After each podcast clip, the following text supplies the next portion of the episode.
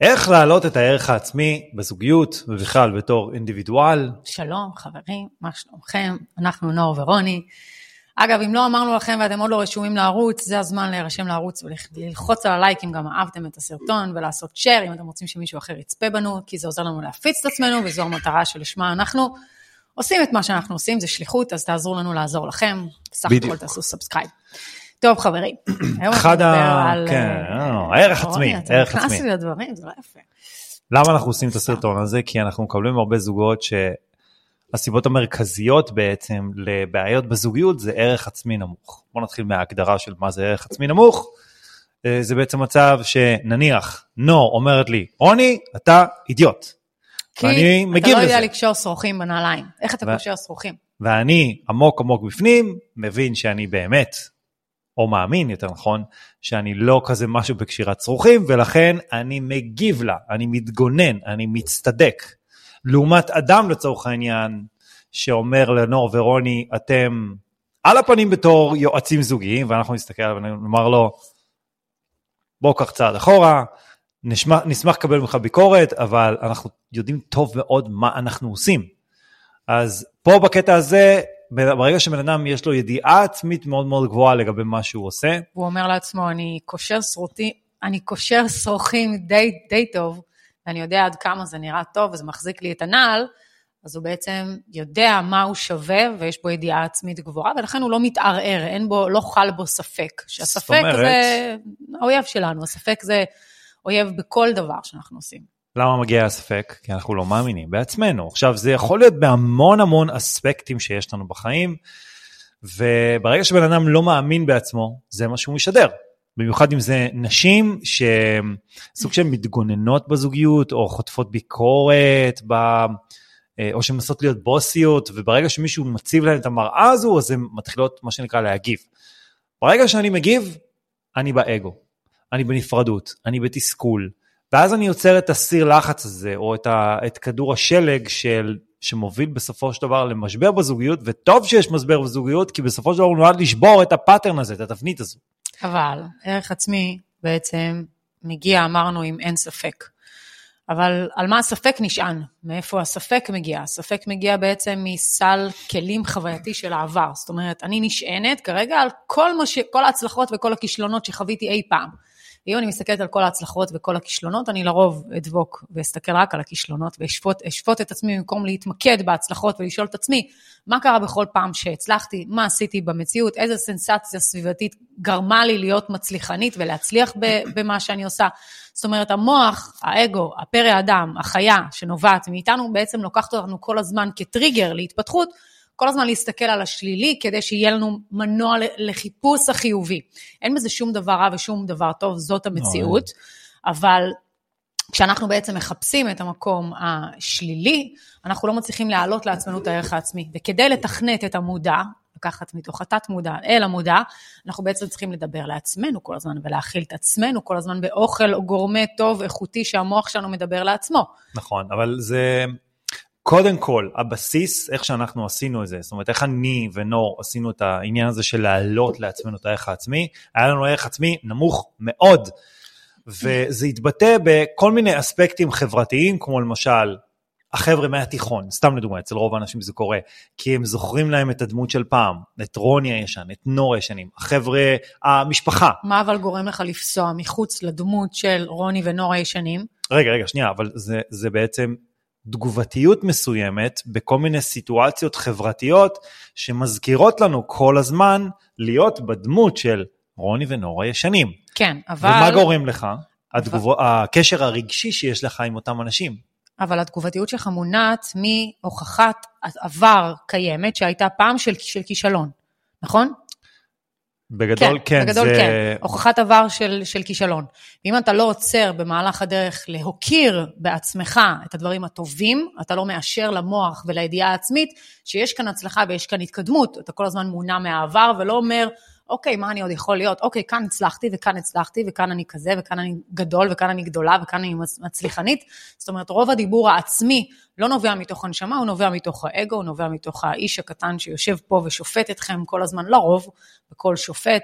אה, וזה אולי אחד, אני חושבת, הכלים הכי חזקים שהיו לי כשאני התחלתי את הדרך.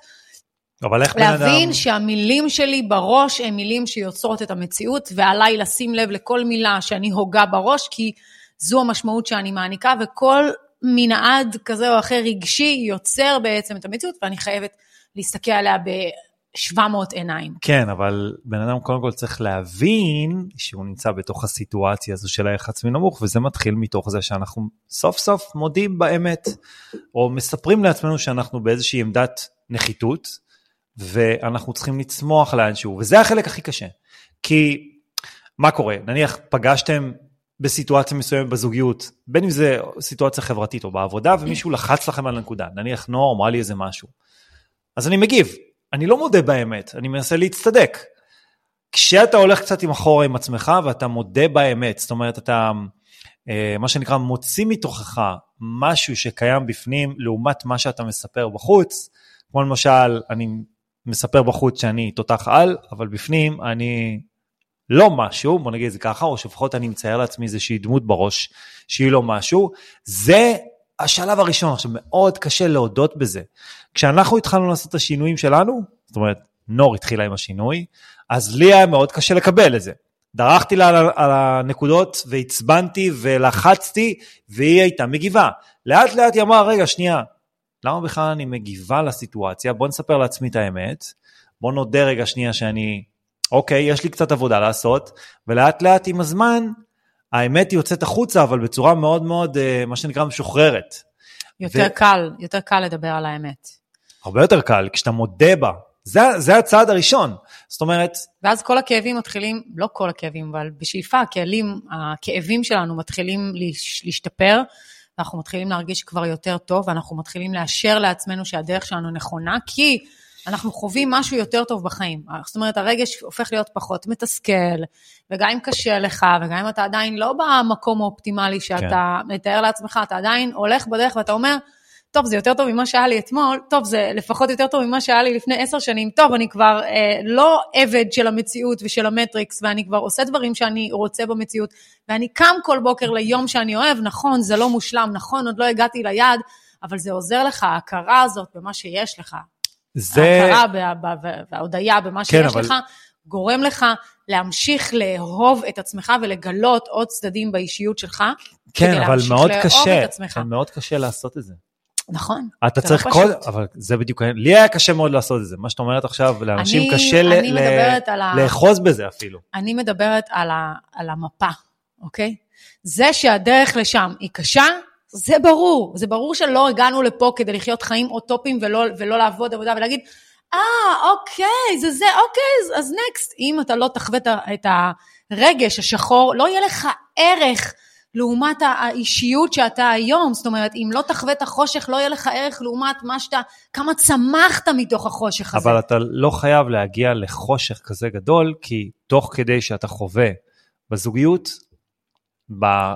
לא יודע, בחברה, אתה חווה טריגרים, אז אתה צריך פשוט לשאול את עצמך מה קרה כאן, ומה האמת שלי, מה בעצם אני מנסה להוכיח כאן. זה, זה השלב הראשון, אז נניח עם נור, הדבר הראשון שהייתי, נניח, שמתי לב שאני מצטדק, או שאני מתגונן, או שאני ביקורתי, שאלתי את עצמי בפנים, עמוק בפנים, מה אני מנסה להשיג כאן? מה האמת שלי?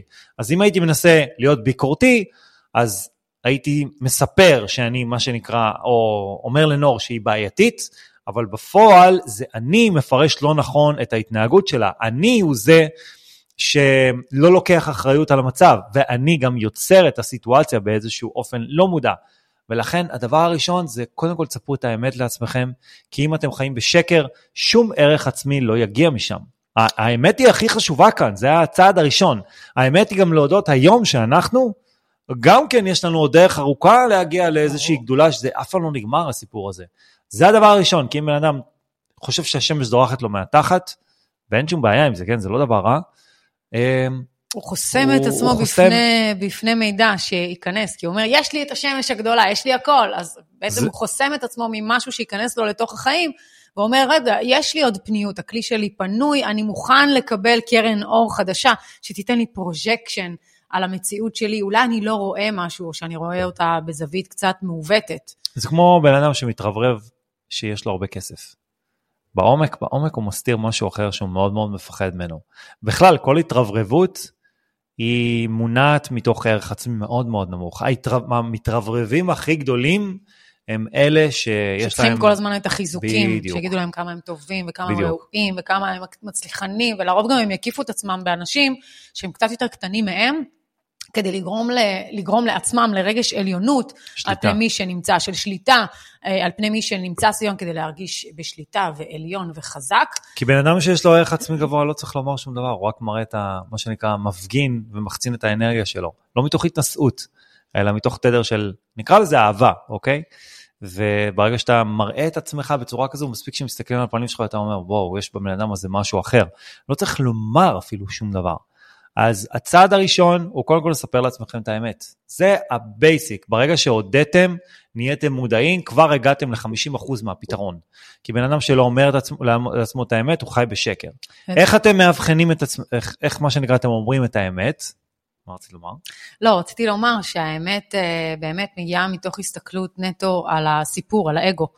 כי אם אני מספר לעצמי את האמת, אני מסתכל על כל הסיפור שאני מס- מספר לעצמי על מציאות חיי, אני בעצם מסתכל על כל תסריט חיי, אני אומר, אוקיי, החיים שלי ככה, אני נשוי ככה, יש לי שלושה ילדים, אני עובד בזה, אני עושה את זה, זאת אומרת, אתה נותן איזושהי הגדרה לסיפור המסגרת שלך, וזו זו הנקודה שאתה באמת דבק בה, ואז אתה מסתכל ואתה אומר, אוקיי, אני מבין מה שקיים במציאות שלי, מה אני רוצה שיתרחש איתי? מה הייתי רוצה באידיאל שיקרה איתי בחיים, כדי שאני לא אמשיך להישאר באותו סיפור. עכשיו, ברגע שהסיפור בעצם מסופר, אז בן אדם מרגיש שהוא רק סיפור והוא רק אגו, ואז הוא אומר, אוקיי, אז אם זה רק סיפור, והסיפור שלי יכול להיראות אחרת, אז השליטה היא שלי? אז אני יכול לספר סיפור חדש? מה מונע ממך לספר סיפור חדש?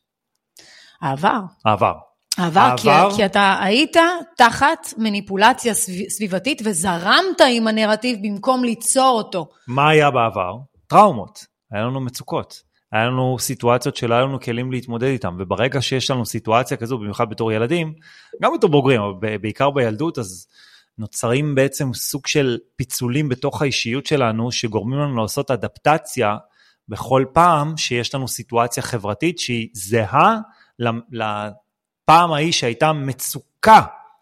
ואז, מה קורה? אנחנו בכל סיטואציה חברתית, אה, עושים סוג של אדפטציה למשחק מסוים. וברגע, ש, להתאים את השיקוף שלנו לשיקוף נכון. שממול. וברגע שאנחנו עושים את זה, אנחנו בעצם אומרים דבר מאוד מאוד מובהק. מי שאני בפנים לא מספיק טוב, אני צריך לשחק משחק. לדוגמה, בזוגיות, אם אני בסיטואציה שבה אני מנסה להיות עליון, אני מנסה להיות אה, מה שנקרא בעל שליטה, או בעל כוחניות, או בעל ביקורתיות, ביקורתיות, לא משנה אם זה האישה או הגבר, מה אני בעצם עושה? סוג של משחק. כי להיחשף, או להיות יותר מכיל, או רגשי, זה אומר שאני חלש, ויש אה. איזשהו פחד מסוים. זה ערך עצמי נמוך, אתה, ואתה גם לא מספר לעצמך את האמת, כי קשה מאוד לתפוס את עצמך בסיטואציה הזו, אבל בגדול זה לא באמת מי שאנחנו, המניפולציות. ואם זה לא מי שזה אתה, ואתה משקף, מה שנקרא, לאדם שלמולך, את לא מי שאתה, אתה לא בא- באותנטיות שלך, בגלל שיש כאן חוק מראות שאנחנו משתקפים אחד בשני, אתה נותן מראה לבן אדם שמולך.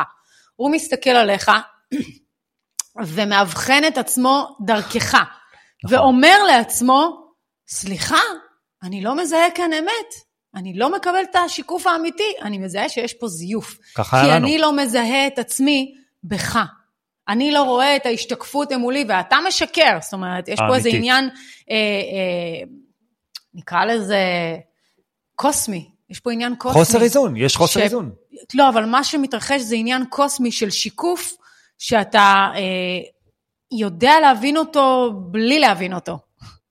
כי זה, וזה מצב שלפחות ככה אני הרגשתי, שהערך העצמי הנמוך שלי נבע מחוסר איזון. לא ידעתי לבטא את זה במילים, אבל הרגשתי שיש פה איזה משהו שאת מושכת למעלה, אני, זה משהו שאני לא מכיר, הרי זה אנרגיה כאוטית. כשבן אדם עושה שינוי, הוא מקבל אנרגיה מהסורס, הוא, הוא מגיע למצב שוואו, אגב, זה מוכח מדעית, זה לא משהו שאני ממציא. וכי אתה מאפשר פניות לעצמך לאנרגיה חדשה שתיכנס.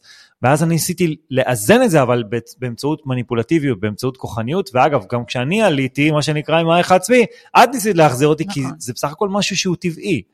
ו... והיינו צריכים לחוות את זה היום כדי לעשות את מה שאנחנו עושים היום. נכון.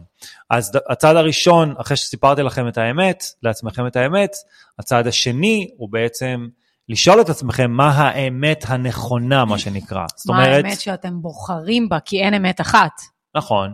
זאת אומרת, מה אתם, מה שנקרא, מרגישים בפנים, אבל אתם משדרים הפוך מזה בחוץ. זה נקרא חוסר איזון. לצורך העניין, אני אה, הפגנתי המון המון ביטחון עצמי וסמכותיות ואפילו... אה, רודנות. רודנות, לא, לא הייתי קורא לזה רודנות. רודנות משהו מאוד קצת. מאוד אה, שתלטן בעבודה וגם בזוגיות. רודן הייתי... עם חיוך. יפה, אבל בפנים זה היה כאוס. אני לא ידעתי איך לתקשר את זה. זה יוצר אצלכם הרס עצמי. הרס עצמי גורם לערך עצמי נמוך. כי הבן אדם מאבד את עצמו בתוך הסיטואציה, אז פשוט תשאלו את עצמכם, מה הדיסוננס שיש לכם בזוגיות? לצורך העניין, יש נשים שמודות בפנים שהסקס שלהם לא טוב. למה? כי זה מגיע מאיזשהו אספקט רגשי לא פתור. אבל בחוץ, הן אומרות לגבר שלהם שהכל טוב. זה הרס עצמי מאוד מאוד חמור. אישה לא מסופקת בזוגיות מבחינה מינית, זה מעיד מבחינת תסמין על עומק רגשי שהוא בעצם לא מאוזן מבחינת בני הזוג. אז אם היא מספרת, או יותר נכון, לא מספרת לבן הזוג שלה את האמת, והוא מרגיש את זה. כן, אז נוצר מצב של הרס עצמי, וזה גורם לערך עצמי נמוך. עכשיו, שתבינו שהניגודיות הזו יוצרת תקיעות אנרגטית, זה כמו ספירלה בתוך הגוף, והתנגדות יוצרת עוד יותר התנגדות, עד לכדי מצב שההתנגדות הזו יוצרת שבר בין אם זה תסמין גופני או התפוצצות כזו של תבנית התנהגות, וזה יוצא החוצה. עכשיו, אמרנו פה אולי משהו שהוא בומבסטי ומשהו שקשה לאבחן תוך כדי תנועה, ולכן הצעד הבא הוא לתרגל ברמה יומית איזשהו, מה שנקרא, מנגנון... היכרות. בדיוק. שמתחיל תמיד, מה אנחנו אומרים? מדיטציה. תתחילו עם זה. כי מה זה מדיטציה? אתם יודעים מה, מה הפרשנות של המילה? habituate זה בעצם להכיר את עצמך באנגלית. get familiar with. אתם צריכים להכיר את עצמכם בשביל להעלות את ה... זה כמו intention, נכון? נמצאת את זה עכשיו? לא, באמת, תחשוב על זה. כי יש פה התכווננות פנימית, יש פה intention פנימי במדיטיישן. להכיר. into intention, כדי להכיר את, ה, את האני הפנימי ולהחזיר בעצם לעצמכם את המושכות לידיים. זה נשמע מאוד, לא יודעת, רוחני כזה, אוטופי, אבל... לא, זה לא רוחני, זה בעצם להסתכל בתוך הקופסה. כי אם אתם מתחילים את היום שלכם מתוך איזשהו מניע של מחשבה כן, ורגש... כן, אבל זה בהתחלה להתבונן במחשבות שלך. נכון. אחרי, אחרי זה זה להגיע למקום של ניטרליות, שאתה לא חושב באיזשהו מקום, ואתה נותן למשהו אחר להיכנס אליך, וזה לא יצירת מחשבה שלך שמונעת מהעבר שלך. נור קופצת קדימה, יצירה, אני מחזיר אתכם לקרקע. ויצירה, זו יצירה מונעת ממקור אחר, מחוויה שלא אה, הכרת. וההתעלות בעצם, נכון, בסוף אנחנו עושים כל יום מדיטציה וכל, וכל מדיטציה, וכל יום אנחנו עולים למעלה. נכון, אנחנו בהתחלה נריץ את כל המחשבות שלנו, למה אני חי בזוגיות הזאת, ולמה ההורים שלי, ולמה האחים שלי, ולמה אני חווה, ולמה אני עוסק בזה, ולמה אני... כן, הרבה הרבה הרבה מחשבות. Mm-hmm. ואז אומרים, כאילו, הרבה אנשים אומרים, אוקיי, אז תיכנס למקום שאין בו מחשבות, ואנשים אומרים, לא. רגע, שנייה, איך אני יכול לעשות את זה? איך אני נכנס למקום שאני לא חושב? אז לשלב ההתחלתי, כדי להחזיר ערך עצמי, בשלב ההתחלתי, כן צריך להיכנס למדיטציה וכן צריך להכיר את עצמך. אבל מתי קורה השינוי? מתי no. קרה לי השינוי? No. כשעשיתי מדיטציה, הבחנתי את הכל, הגעתי למקום של ניטרליות, ומהמקום של הניטרליות קיבלתי כמו דאונלואוד שירד ואמר, את קולטת שאת יכולה להיות גם הדבר הזה? גם הדבר הזה הוא פה בשבילך? יפה. אז מה אנחנו בעצם אומרים? שהמדיטציה היא רק הטכנולוגיה שמאפשרת שדרוג של המוח כדי לאבחן את עצמכם בסיטואציה כדי לפתור ערך עצמי נמוך. זאת אומרת, הערך העצמי הנמוך יכול להיפתר בין היתר על ידי טריגר ראשון של הפעלה של טכנולוגיית המדיטציה.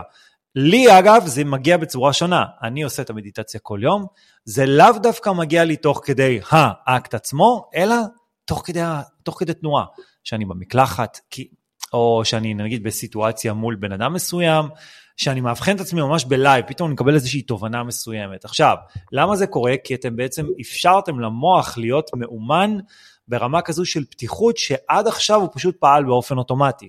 לאט לאט אתם פשוט מגבירים מודעות לסיטואציה, אתם יותר בשידור חי ביום-יום, רק על ידי כך שאתם מאמנים את המוח, בסדר? זה לא, גם לא צריך להיות פה איזה מאסטר או גורו, או לשבת כל היום באום או משהו בסגנון. קודם לשים לב, אני התחלתי לשים לב כשרציתי להעלות לעצמי את הערך עצמי, למה המחשבות השליליות ולמה המחשבות שלי שופטות את עצמי, למה כן. אני כל הזמן מדברת לעצמי דיבור הרסני, ואחד הדברים והאתגרים הוא להביא את החברה הכי טובה לתוך המוח, שהיא בעצם תלווה אותך. זאת אומרת, אני הייתי פעם אלינור, ונור הייתה החברה הטובה האמיתית שישבה בפנים ואמרה לי, אלינור, עזבי אותך, בואי, יש לי משהו אחר להראות לך. אני יכולה לתת לך משהו אחר שאלינור לא העניקה לך, בואי תיכנסי לתוך האנרגיה הזו. זו אנרגיה שבעצם הופכת, הפכה אותי להיות בן אדם אחר, כי, כי כשעצרתי לשאול מה אני לא אוהבת באלינור, למה עכשיו, אני, למה עכשיו אני מגיבה ככה, למה אני עכשיו מדברת לעצמי ככה, התחלתי לאבחן את עצמי ולהבין מתוך מה אני מונעת. והדיבור הזה של מה שנקרא הצד הטוב, במרכאות, זה בעצם התקשור של הנשמה שלך, שמנסה להגיע אליך באיזושהי דרך, אבל פעם אחת ישבתי במדיטציה ושמעתי קול בתוך הראש שאומר לי, אני לא יכול להגיע אליך, אתה, אתה כל היום ב out, אתה בסטרס, אתה בהסחות דעת, אני, אני לא מצליח להגיע אליך בגלל שאתה לא מאפשר למוח להיות בתדר של קליטה. וכשנור אומרת את זה, זה בעצם העומק הרוחני הזה נקרא לזה, שהנשמה שלך בעצם באה ואומרת לך, יש אופציה אחרת. אבל אני לא יכולה לחדור למרחב שלך כל עוד אתה חוסם את המרחב שלך בתדר שהוא מאוד מאוד נמוך. עכשיו, זה, זה באמת עניין של אימון. זה לא אומר שאנחנו לא חווים עד היום תדר נמוך, זה אומר שאנחנו פשוט מאומנים בצורה כזו של להסתכל על הסיטואציה בצורה אובייקטיבית, וזה מוביל אותי למה שנקרא לצעד הבא. כי כש... אוקיי, האמת סיפרתם, המדיטציה עשיתם, הבחנתם את עצמכם בלייב, שאלתם שאלות, אבל מה שקורה זה שיש סיטואציות שאנחנו כן מגיבים, ואנחנו כן פתאום נהיים אה, מצטדקים, וזה קורה לנו עד היום. מה שאנחנו עושים בסיטואציה כזו, זה פשוט שואלים את עצמנו, מה קורה בזמן האירוע? נניח, עכשיו יש לנו ריב בזוגיות, ופתאום, בואו ניתן דוגמה. אה, הייתה לנו סיטואציה של, אה, נניח לצלם את הסרטים האלו, אוקיי? אנחנו מצלמים, ואז אנחנו, אני רוצה להספיק, ונור יותר משוחררת פרי סטייל. ואני לוחץ ולוחץ ולוחץ, ואז אני לפעמים גם זורק איזה מילה כמו, משפט כמו, זה לא מספיק טוב, או ביקורתיות. זה מגיע אצלי מהעומק של להספיק, כי אצלי יש תבניות של נכון. איש עובד, מה שנקרא. ולי זה מוריד את, היציר, את היצירתיות ואת החיבור, ואז אני אומרת לו, אבל למה אתה הורס לי את ה vibe? למה אתה, אתה מוריד לי? אני רוצה שנייה להתחבר. ואז אני הורס את ה vibe, מה פתאום? אבל זה משתפר, כי היום אני מבינה שאם אני אומרת לו, תקשיב, ההספק הזה מוריד לי את ה vibe, ואז אני לא, לא מצליחה להיות פתוחה ל, ל, לדברים, אז תוריד רגע שנייה רגל מהגז. רגע, רגע, רגע, רגע, שנייה, שנייה, אבל את אמרת את זה מתוך איזשהו מקום שאת בוחרת הפעם להגיב בצורה שונה, וזה בעצם הזכות בחירה שלנו בתור בני אדם. הגבת בלייב, הבחנת את עצמך בסיטואציה, וזה עניין של אימון, כן? הבחנת את עצמך בתוך הסיטואציה וש... ואמרת לעצמך, נכון? הבחנתי אבל את עצמי וראיתי את החשיבות שביצירה, ואז אמרתי, אוקיי, אתה צריך להבין את החשיבות שב... שביצירה, מספיק שיהיו גם שלושה סרטים הכי טובים שיש, במקום עשרים שאנחנו עושים. אז לי חשובה, לי היה חשוב להסתכל על, ה, על היצירתיות, לך היה חשוב להסתכל על הכמות, כמו שאמרנו, אישה מונעת ממילים, גבר מונע מ... מעשים. מעשים. אז פה בסיטואציה פשוט הבחנו את עצמנו בלייב, שנינו, הגבנו, רבנו המון על הצילומים האלה, דרך אגב, לא ראיתם את זה, אבל הקטע של התגובתיות השתפרה מפעם לפעם, כי... אנחנו, אנחנו כבר לא רבים על הצילומים. לא, אה, כבר לא, אבל כי היינו הולכים אחורה, אוקיי, רבנו, ואז היינו שואלים את עצמנו, כל אחד מאיתנו, מה, מה קרה כאן? מה אני צריך לשפר בעצמי? אני לא צריך להצטדק, אני לא צריך להגיב, אני לא צריך להיות ביקורתי, מאיפה זה מגיע? מה העומק של זה? גם זה נורא ו... קשה, כי אתה צריך בעצם להתחבר לבן אדם שעושה איתך את הסרטים, זה להגיד לאגו בזמן צילומים, שתוק, זה שיש לך עכשיו משהו כן. כן. להגיד, וכל הזמן יש לנו משהו להגיד. כשרוני אומר משפט, ישר עולים לי מיליון דברים שאני רוצה לדבר, והוא מדבר, ואני מקשיבה לו, ולפעמים אני מאבדת את הקשב, כי אני רוצה לעשות מה שנקרא, אני מאבדת בתוך עצמי את החומר, כי המוח עובד מאוד מהר, ואתה צריך, אנחנו עושים איזשהו, איזשהו ברייק לאגו, ואומרים, אוקיי, אנחנו נותנים אחד לשני מקום בתוך השיח הזה, בתוך הסרטים, ולכן גם יש הרמוניה טובה. וזה מוביל לצעד הבא, שבן אדם צריך לשאול את עצמו באמת מה הוא צריך. מה באמת הוא צריך? כי יכול להיות ש... ואגב, גם לשדר את זה ולומר את זה, כי אם נור אומרת לי, תקשיב, אני צריכה יותר מרחב להשראה. ואני אומר לנור, אני צריך יותר את העניין הזה של להספיק, כדי שאני ארגיש בטוח, או שאני מרגיש שאני על הזמנים, כי יש לנו ילדים לאסוף בשעה מסוימת, ולא בא לי להיות לחוץ. אז אם שנינו יודעים מה אנחנו צריכים, ואנחנו גם אומרים את זה אחד לשנייה, אז אנחנו גם יכולים להסביר את זה, כי אנחנו חושבים, כל אחד מאיתנו חושב שהשני אמור לדעת את זה. אז זה בעצם הצורך. עכשיו, זה יכול להתבטא בצרכים בזוגיות, כמו של, אה, אתם יודעים, גבר צריך את השעה שלו כשהוא חוזר הביתה, קצת בשקט. והאישה לא רוצה לתת לו את זה. למה? כי יש לה חוסר. היא בעצם כל היום הייתה בעצבים, בקריז. או הפוך, הגבר רוצה סקס, נניח. או הגבר רוצה קצת איזה לוי דווי עם אשתו, לא לוי דווי בשביל סקס. ואשתו לא פנויה לזה. למה? כי יש לה איזשהו חוסר. על אותו עיקרון. אבל ברגע שאתם אומרים מה אתם צריכים, וזה עניין של ערך עצמי אה, גבוה, כי אתם בעצם שואלים את עצמכם, בן אדם שיש לו ערך עצמי גבוה יודע מה הוא צריך. לא מתוך מקום מניפולטיבי, כי אם אתם לא יודעים מה אתם צריכים, אתם לא מכירים את עצמכם מספיק ואז טוב. אתם תעשו כל מניפולציה במציאות כדי לקבל את הצורך הזה. כל מניפולציה. ולפעמים זה כל כך הרסני, עד לכדי מכות, עד לכדי אלימות. זו הסיבה שאנשים נהיים פתאום כמו קופים, אוקיי? ואני חושב שהעניין האחרון נקרא לזה, זה בעצם לקחת את כל החבילה הזו, ובעצם להתמיד איתה, יום יום. ולנסות לנסות לשנות משהו ב, ב, במציאות. כי אם אתם תמשיכו להסתכל על עצמכם במראה ולראות את אותו האדם, סביר להניח שאתם, אה, המוח שלכם ייקח אתכם לעבר. אחד הדברים שאני עשיתי, אה, והבנתי את זה, אח, אחר כך הבנתי שעשיתי את זה, אה, צבעתי את השיער. ברגע שהתחלתי לצבוע את השיער לצבע, זה גרם לי להרגיש אישיות שונה. הסתכלתי על עצמי במראה והרגשתי אדם אחר, זה יכול להיות צבע לשיער, זה יכול להיות בגדים אחרים, בושם אחר, חברה אחרת, בית אחר, עיסוק אחר, זאת אומרת, כל דבר שישנה את ההסתכלות שלכם ואת הבבואה אל מול המראה, בעצם ייקח את המוח לאני העתידי ולא לאני הישן. זה, זה השלב הבא. בהתחלה, אל, אל תדבקו לאיזשהו אני עתידי או משהו בסגנון. לא, אני חושבת ש- שזה שילוב של כמה כן, דברים אבל בבת אחת. בהתחלה בן אדם לא יודע בכלל להתמודד עם זה, ואז הוא בורח מהאמת שלו. זה נכון. זה מה שכולם יגידו לכם בעולם ההתפתחות האישית. תעשו לכם vision, נכון. ויעדים, ובלה בלה בלה. מה זה הדבר הזה? אתה בעצם בורח ממשהו. אנחנו טעינו בזה גם בהתחלה. אתה בורח ברור. מעצמך. אתה לא יכול להיות משהו אחד, כל עוד לא בהתחלה. לפחות בחודש הראשון פתרת דברים עם עצמך. כשאתה פותר משהו עם עצמך, אתה יודע להסתכל על הבן אדם השני, על הבת זוג שלך, ולהבין מאיפה היא מונעת, כי אתה רואה את הכאב שלה. אבל גם היום, גם היום אנחנו בורחים מעצמנו. אתה מסכים איתי? כולם, כל הזמן. כי לא, קשה לך. הנשמה רוצה לברוח מהסיפור, הנשמה רוצה לברוח מהדמות הישנה כל הזמן, וגם היום שהפכנו להיות גרסה שאנחנו יותר אוהבים, גם היום אנחנו רוצים לברוח מהגרסה הזאת לגרסה יותר עתידית. מי שמפסיק לנסות לברוח, נכון. מפסיק את המשחק פה, והמשחק פה הוא, הוא משחק של חדר בריחה, עולם בריחה, שנועד לשקף לנו את הבריחה ממי? מעצמנו. מעצמנו. מעצמנו. ככל שאנחנו מצליחים בורח? לברוח ולהבין את הסימנים ואת ההדרכה שיש לנו בחדר הבריחה, בעולם הבריחה הזה, אנחנו מצליחים לעבור לשלב עוד יותר אה, גבוה ועוד יותר גבוה. ואם בן אדם בורח, אז הוא מייצר התנגדות. והתנגדות מייצרת עוד יותר התנגדות. כי בסוף לא בא לנו להודות בפאקים שלנו.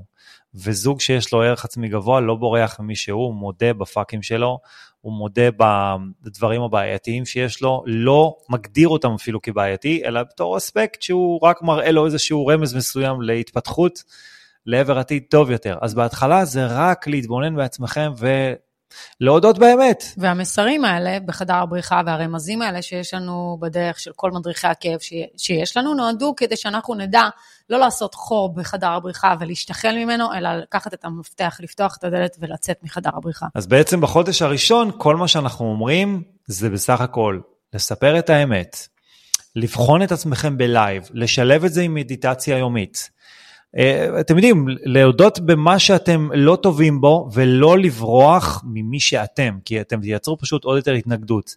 לפעמים בן אדם אומר, רגע, מה זה אומר לברוח? אני לא יודע מי אני בכלל. זו ההתחלה. אוקיי? ההתחלה זה בעצם להתחיל לברר מי אתם, כי 95% מהאישיות שלנו היא לא מודעת, וזוגות שלא מודעים לעצמם יוצרים את הקרע הכי גדול, בגלל זה הפגישה, אחת הפגישות הראשונות איתנו ב, בליווי זוגי, זה בעצם פגישה על ערך עצמי, כי אנחנו חייבים להוציא אותם מהמנגנון הזה של השליטה של הערך העצמי הנמוך, ו, ונופלים הרבה אסימונים לזוג ברגע שהם מגלים על הערך העצמי הנמוך, ואז יכולים לעבור לשלב הבא, רק כשהתשתית בעצם מוכנה. והשלב הבא אומר, בואו נבנה לנו מה שנקרא אישיות שהיא חדשה. לכל בן אדם הרי בזוגיות יש את הדמות הזו שהוא מצייר בראש, יש את התדמית הזוגית, יש את מי שאתם בעצם, איך שאתם מציירים לכם בתוך הראש. וברגע שהדמות הזו היא מאוד מאוד קטנה, אם אתם זוג שהוא מאוד חלש, או זוג שהוא מצייר לעצמו דמות שהוא רב, בינוני, אה, הורים לא טובים, אה, מיניות לא טובה, או וייבים בכלל אנרגטיים, או שאתם משעממים. זה רק הדמות שאתם מייצרים לעצמכם בתוך הראש. אף אחד אחר לא צייר אותה, אף אחד, אחד, אף אחד אחר לא רואה אותה. מי שכן מרגיש אותה זה כולם, כי זה מה שאתם משדרים. כי אם אני עכשיו יושב לכם פה בפגיש, בסרט הזה וישב בצורה כזאת, ואני אגיד לכם שאתם אחלה ורק תהיו כמוני, זה אומר שאני ציור של דמות מאוד מאוד ירודה, אנחנו בתור זוג. אבל אם אני משדר משהו אחר, זה אחרי שאני בעצם ציירתי לעצמי דמות חזקה, זוגית, שהיא ממש ברזל. שהיא מאמינה ויודעת את הדרך שלה. נכון, וזה מה שאנחנו משדרים ביום-יום. ואנחנו כל יום בונים את הדמות הזו מחדש, על ידי כך שאנחנו אוספים את השברים שיש לנו מה... מה שנקרא מהטראומות, מהמצוקות שלא היו לנו כלים להתמודד איתם, ואנחנו בעצם לוקחים את זה, אחרי שהשבר הזה מתאחה, אנחנו בעצם מרכיבים אותו לתוך הדמות החדשה, וזה כמו מנוע סילון. ושואלים גם איך אנחנו מצליחים להתמודד מהרגע הזה, מההוויה. לא ממה היה. כי פעם היה, פעם גם לא היו לנו כלים להתמודד עם דברים. היום התרחבנו ויש לנו כבר כלים, והבעיה שהייתה פעם, אולי היום היא הייתה נפתרת אחרת. אז אנחנו יכולים להסתכל על זה ולהגיד, יש לנו כבר את הכלים, אוקיי, איך אנחנו רוצים לפתור את הבעיה החל מהרגע הזה? כי שום דבר לא באמת קיים, רק הרגע הזה שאתם מדברים, ושאני מדברת ואתם נכון. שומעים אותי. עכשיו, זה לוקח זמן.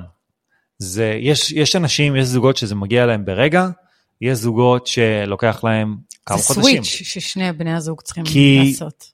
זה עניין נשמתי נקרא לזה, כי לפעמים אתה לא מוכן אה, לקבל אמת מסוימת, ולפעמים האמת, אז אתה מתעלם ממנה, אז לפעמים האמת כואבת לך, ואתה בוחר שלא, ולפעמים הנשמה בעצם לא מציפה לך את זה דרך התת מודע, ברמה כזו שאתה תחווה את זה רגשית, כי אתה לא תוכל להתמודד עם זה. זאת אומרת, הרבה נשים מגיעות אלינו ואומרות, הגבר שלי לא ישתנה, הוא לא מבין, הוא לא מבין אותי, הוא ביקורתי, והוא פה והוא שם. יש מצב שהוא אפילו לא מוכן מבחינה רגשית, כי האפקט והאימפקט הרגשי של כן להודות באמת, יהיה כל כך קשה שהוא יכול ממש לחוות איזשהו תסמין גופני כל כך קשה, שיכאב לו. עצמו, כי הוא בעצם יאבד את עצמו, הוא יאבד נכון. את העצמי, את האגו, את הזהות, את מה שהוא נשען עליו כל החיים, פתאום הוא מסתכל ויגיד, וואי, זה, זה לא כן. חייב להיות אני? וואו. ואנחנו צריכים להבין שלכל אחד יש את הקצב התקדמות שלו, לכל אחד יש את הזמן שלו, זוג חייב להבין שאבולוציה זוגית לא נעשית ברגע אחד, כי אישה מפותחת מאוד רגשית, אבל גבר, מה שנקרא, משלים אותה, אבל לוקח לו טיפה יותר זמן. ואנחנו צריכים לשחרר התנגדות, כי לא כולם מוכנים לחוות איזשהו שינוי מסוים. אה, זה כמו שאנחנו נסתכל על, על הילדים שלנו ונגיד להם, נו, מה, מה העניינים? למה אתם לא מבינים את זה? למה אתם לא עושים את מה שאנחנו מצפים מכם? אבל לכל ילד, וכולנו ילדים, יש קצב התפתחות שלו. ואנחנו צריכים לאפשר את הקצב הזה. וככל שאנחנו מסירים את ההתנגדות ומסתכלים על הסיטואציה בצורה מאוד אובייקטיבית, יותר קל לנו, עד כמה שזה קשה, יותר קל לנו להתמודד עם ה... האנשים שיש לנו בחיים ובכלל בזוגיות. וחוסר שביעות רצון זה דבר טוב, כי זה מניע אותנו. אז גם אם אתם לא שבעי רצון מהאישיות שלכם ואתם לא בערך עצמי הכי גבוה, מצוין, מעולה, גם אני לא בערך עצמי הכי גבוה שיש, כי אז הייתי בסוג של אלוהים ובאוטופיה רגשית שאין לי רצון בכלל להוריד את עצמי כן. לתפקיד מסוים. נכון. אבל... uh, זה כל המשחק כאן, להיות בחוסר שביעות רצון, לא בשלמות, ולנסות להשיג שלמות עד האינסוף. אז, אז שמחים שהייתם ש... כאן איתנו, ומקווים שהעסקתם אה, כמה דברים מתוך הניסיון האישי שלנו, ואנחנו אוהבים אתכם מאוד, ותמשיכו לכתוב לנו, ואם יש משהו שמעניין אתכם בנוגע לזוגיות, ודברים שלא דיברנו עליהם ומאוד מאוד מעניינים אתכם, אז תכתבו לנו כאן, אנחנו מבטיחים לעשות על זה סרט. יאללה ביי חברים. יאללה ביי אוש, ביי.